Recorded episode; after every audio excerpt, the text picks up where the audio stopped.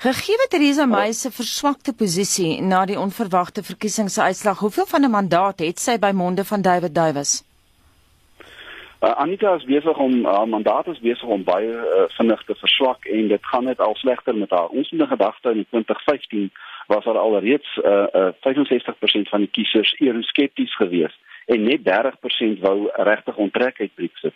Daarna het ons oorgegaan na 'n harde en 'n sagte Brexit. Dit was gedebatteer tydens die verkiesing en nou blyk dat ons eerder sal gaan na 'n sagte verkiesing.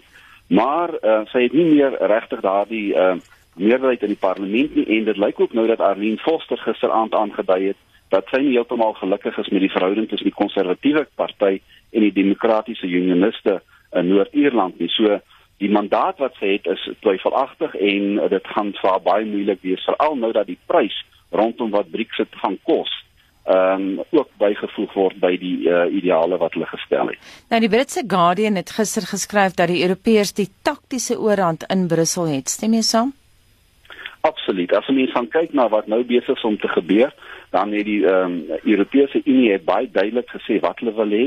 Hulle onderhandelaar is 'n baie sterk persoon, hy het 'n baie duidelike agenda en uh, daar is nog nie afgewyk nie. Maandag was eintlik maar 'n bietjie rampspoedig geweest in die sin maandag en dinsdag en die sin dat die Britte het uh, voorgekom asof hulle nie regtig voorberei is nie. Hulle dokumente was nie gereed geweest nie en die model wat hulle voorgestel het van 'n uh, van 'n uh, parallelle proses wat moet plaasvind uh, is verwerp en uh, daar is eenvoudig gesê dat ons sal eers 'n uh, duidelikheid kry oor wat jy wil hê voor ons uh, uh, verder sal onderhandel so die die Europese model die Europese agenda is aanvaar en nie die Britte se nie. Michelle Barnier het ook gesê dat die VK gevra het om die EU te verlaat nie andersom nie en dat die Britte in sy woorde die ernstige gevolge van hulle dade moet dra. Is die subteks hier dat dit 'n opdraande stryd gaan wees?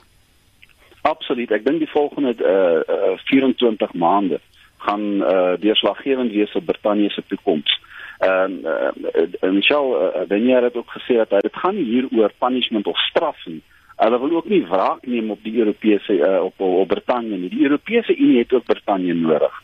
Uh maar ongelukkig um, vir die Britte het die Britte meer die Europese Unie nodig. En ehm um, as mens nou gaan kyk dan die situasie dan ehm um, skep dit 'n groot mate van onsekerheid. Die onsekerheid is veral by die Britte en Europa, Europa sal aangaan. En nou uh, die voorstel wat op die tafel kom, moet weer terug uh, uh, verwys word na die 27 lidstate. En daar sal slegs onderhandel, daar sal slegs ooreengekom word op 'n model wat vir die Europese Unie aanvaarbaar gaan wees. En dit maak dit vir die Britte baie moeilik. Nou president Macron het 'n week of wat gelede vir die Britte agterdeur oopgehou indien hulle binne die EU sou wou bly. En David Davis het ook verlede week gesê daar's 'n moontlikheid om die rug te draai op die onderhandelings sonder enige ooreenkoms. Is daar 'n moontlikheid dat Whitehall die Franse aanbod sal aanvaar?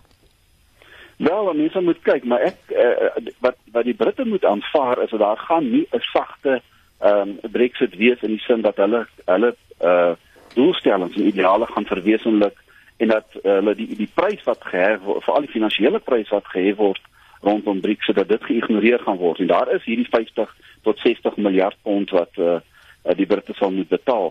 Maar wat interessant ook gisteraand gebeur het is dat uh, Lord Heseltine het gesê dat uh, dis 'n oop vraag of die Europese Unie of Brittanje die Europese Unie enigstens moet verlaat. En uh, George Soros het ook gesê dat Brittanje staan nou voor die tipping point wat hy hy verwys het en dat ehm uh, die uh, wat dit baie mooi moet besluit wat hulle wil doen want hulle kan nie ehm, 'n uh, sagte Brexit wil hê en uh, net eenvoudig dit volgens hulle wil wil speel nie. Die Britte is in die moeilikheid vir die volgende 24 maande.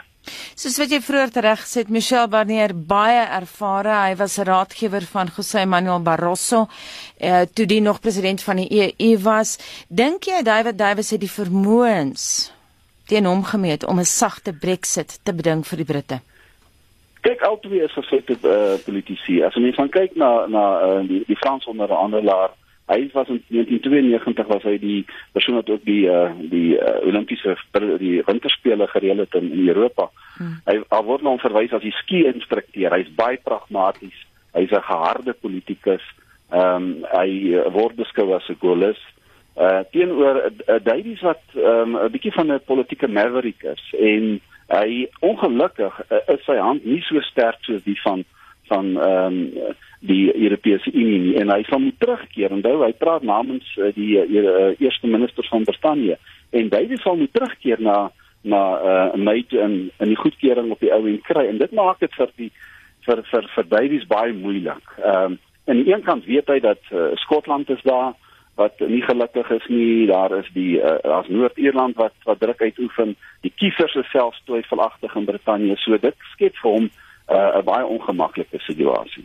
Baie dankie die ontleder wat so sê is Theo Becker van Noordwes Universiteit.